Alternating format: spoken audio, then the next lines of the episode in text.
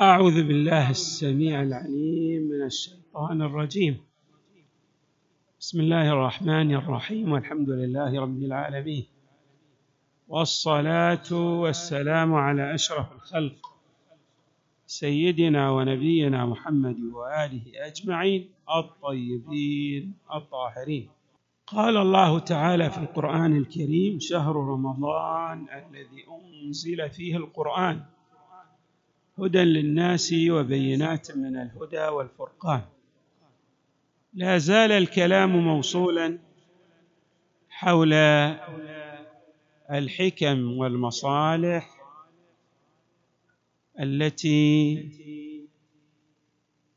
جاءت في الروايات بمعنى أن الروايات أولت هذه الحكم والمصالح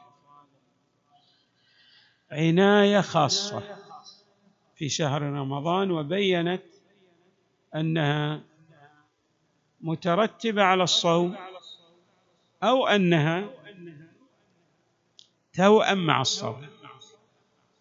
بمعنى أنها جزء لا يتجزأ من الصوم. سوف أشير إلى معنى التوأمية. لهذه الفوائد في غضون كلامي اللاحق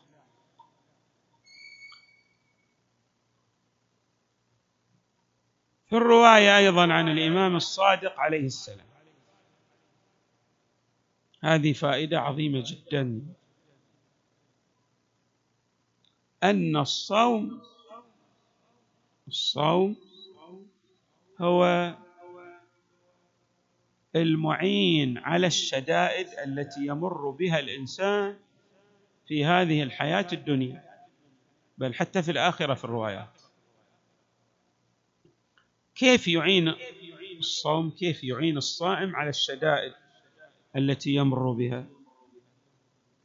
لاحظوا هذا التفسير للإمام الصادق عليه السلام لقوله تعالى واستعينوا بالصبر والصلاة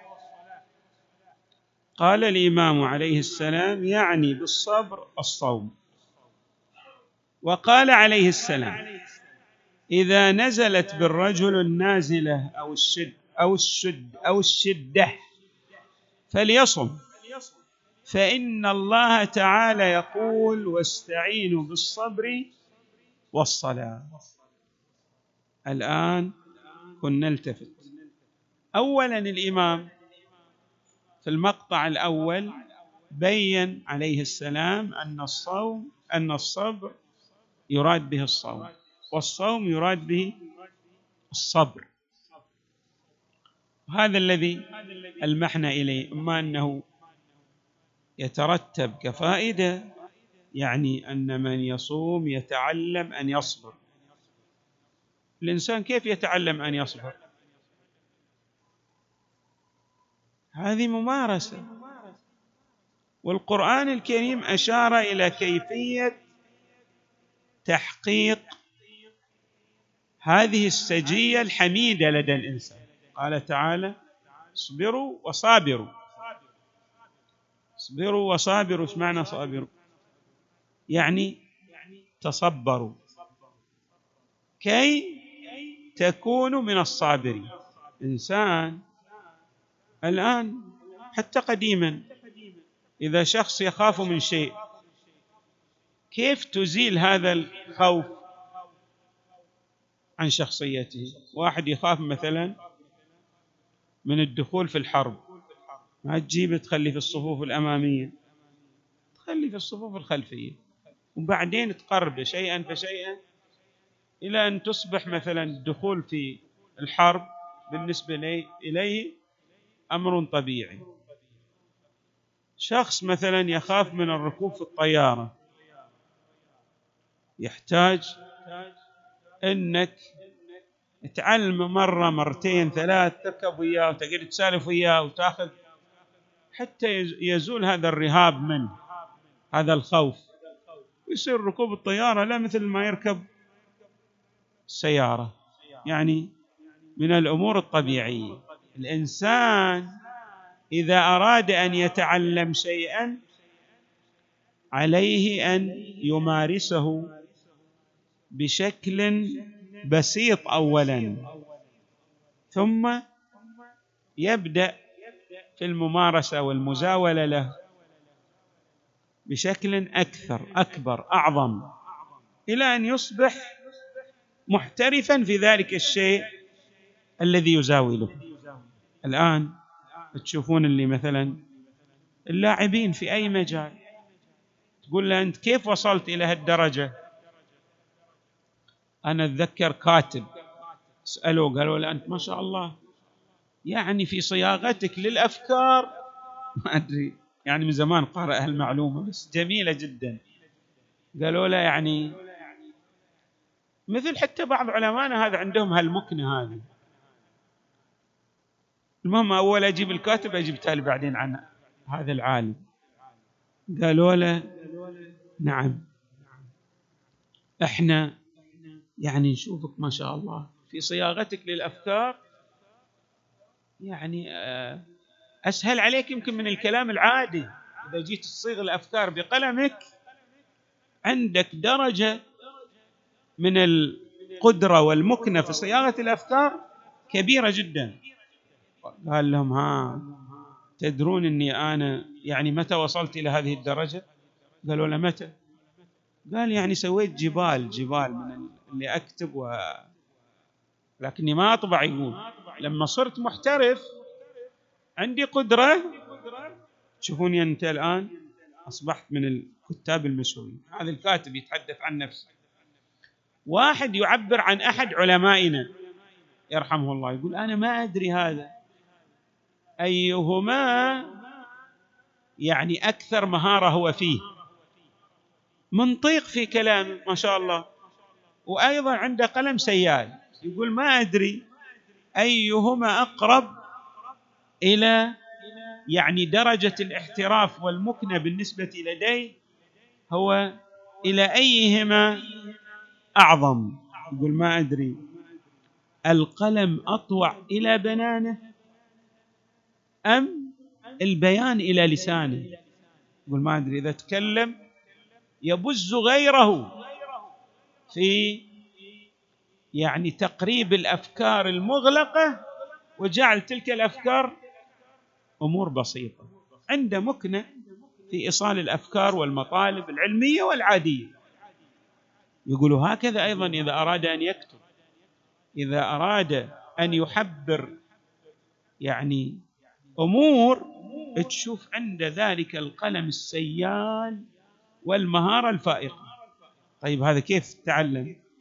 بدأ في الأول وهناك قاعدة دائما يقولونها العلماء. يعني الاستفادة من غيرك من أهل الصنعة. عندك واحد مثلا عارف بمهارات الكتابة تجي يمه تعرض عليه. مهارات الشعر تروح له تقول له هذا أنا قلت بيتين. يقولون بعض الشعراء أول ما بدأ يعني يقول الأبيات كان إذا سمع أبياته التي يأتي بها إلى أحد الشعراء يقوم يضحك. يقول يعني هذا شعر هو ولا بعر هذا؟ يعني يشبه بالبعير هذا. كان يعني كلام ما له ما له قيمة. بعدين هذا أصبح من الشعراء اللي لا يشق لهم غبار. لماذا؟ لأنه خلاص بدأ يزاول الصنعة. فهم أوزان العروض. قعد يسير خطوة خطوة إلى الأمام إلى أن أصبح محترفا في شاعريته نفس الكلام. إذا تريد أن تصبح كالجبل من الصبر لا تهتز بهذه العواصف والابتلاءات التي تمر عليك في الحياة الدنيا. شلون؟ كيف تستعين؟ أي أمر يعينك؟ كي تصبح كالجبل ما تتأثر. بل يصبح. ما يصيبك من المصائب تلهج بالثناء والحمد والذكر لله. يعني ما تتأثر. مر علي مر عليكم يمكن. إن أحد الأئمة من أهل البيت ولعله الإمام زين العابدين. عند الإمام زين. المهم أنه يعني كان له أحد الأولاد فمات ذاك الولد اللي عنده. شافوه بعد موت ولده قاعد يحمد الله ويثني عليه وفي حالة من الهدوء والطمأنينة. قالوا له أنت يعني كيف؟ قال بعد هذا ألا يعني أسلم أمري إلى الله؟ هذا الله بيده ملكوت السماوات والأرض وهو الذي أخذ هذه الأمانة التي أعطاني إياها. الإمام يعلمنا درس في أن نصبر. واصلا ما عندك مثل ما يعبر العراقي ما عندك شاره إذا مرت عليك المصائب إذا ما صبرت. يلا إيش بتسوي؟ بتروح تطاقق ربك مثل ما ما عندك شاره ما عندك طريقة. لا بد أن تسلم أمرك إلى الله لتحصل على الثواب الجزيل والأجر الجميل. الإمام عليه السلام يعلمنا هذا الدرس وهو درس عظيم. يقول عليه السلام أراد الباري يعني بالصبر الصوم. ويقول إذا نزلت بالرجل النازلة يعني الشدة العظيمة. واحد مثلا. هذا آه، قبل كم ليلة كنت يعني أستمع إلى أحد الخطباء يقول يعني شاف أحد ال ال ال يعني كان يقول هذا الخطيب كان في ما في في أمريكا وشاف أحد الأشخاص يعني يقول مطلعين ولده ميت هو مودي يعالجه أمريكا. كان الولد مريض بالسرطان. مودي يعالجه طيب يقول بعد ما طلعوا جاء الطبيب يخبره بأن ولده هذا مات يقول ما شفت إلا وجه يعني وجه هذا الوالد يتهلل فرحه. يقول حالة يعني من الرضا والطمأنينة في الآب. يقول تفاجأت من عنده. قلت له شلون؟ يعني شو اللي أوصلك إلى هالدرجة هذه من الطمأنينة؟ قال له أنا مسلم أمري إلى الله وأعلم أن هذا الكون بكل ذرة فيه تحت قدرة الله تبارك ما شاء الله كان وما لم يشأ لم يكن. ثم أنا أصبر على قضاء الله لأنال أجر الصابرين. اذا شوفوا الإنسان كيف يصل. الإمام عليه السلام يقول أو نزلت إيه إذا نزلت بالرجل النازلة أو الشدة يعني نزلت به شدة من الشدائد فليصم. فليصم. ثم يأتي بقوله تعالى فإن الله تعالى يقول واستعينوا بالصبر والصلاة. يعني صم بعض الأيام وشنو بعد؟ وصلي لله. أما صلي الصلاة العادية هذه وادعو الله في صلاتك أو صلي بمعنى ادعو الله لأن الصلاة بمعنى الدعاء. استعين بقدرة الله تبارك وتعالى على اجتياز تلك الشدة.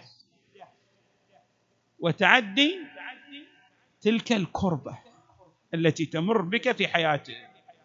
فإذا الإمام يعلمنا. ولعل إحنا قلنا ما هذه فائدة تترتب؟ ولا هي توأم؟ يعني مجرد أن تصوم شنو؟ تتعلم تتعلم كيف تصبر. شوفوا الآن. إحنا من أهم الأشياء لنا الأكل والشرب والجنس خاصة بالنسبة للشاب لكن إذا كان مؤمن يترك كل هذه الأشياء امتثالا لأمر الله تبارك وتعالى. ما يشوف ما ما يعني هذه زوجته يمه وقد تكون في يعني قد يكون هو جاي من سفر ومشتاق إلى زوجته ولكن ما التكليف الشرعي يشكل حاجزا ومانعا يمنعه عن الاقتراب إلى ما يتوق إليه إلى ما يشتهيه ويصبر يسلم أمره إلى الله. ليش؟ وإحنا عندنا أيضا قاعدة فلسفية. يعني إذا تقدر تصبر في أي مفردة من المفردات؟ معناه أن في بقية المفردات الأخرى تستطيع أن تصبر حكم الأمثال فيما يجوز وفيما لا يجوز واحد. اذا الإمام عليه السلام الإمام الصادق عليه السلام يعطينا هذا الدرس يعلمنا كيف نستفيد من الصوم لأن الله تبارك وتعالى إما جعل هذه فائدة مترتبة عليه ولا جعل أصلا هذا توأم؟ هو هو أنك أصلا أنك صومك هو صبرك. عن ترك ماذا؟ ما تشتهي من طعام وشراب وجنس وما إلى المفطرات. اذا حري بنا أن نتعلم هذا الدرس من الصوم. نسأل الله تبارك وتعالى أن يجعلنا وإياكم من الصائمين. المتقربين إلى الله تبارك وتعالى بصومنا والواصلين إلى الدرجات العلى لنكون مع محمد وآل محمد في الدنيا والآخرة. وصلى الله وسلم وزاد وبارك على سيدنا ونبينا محمد وآله أجمعين الطيبين الطاهرين.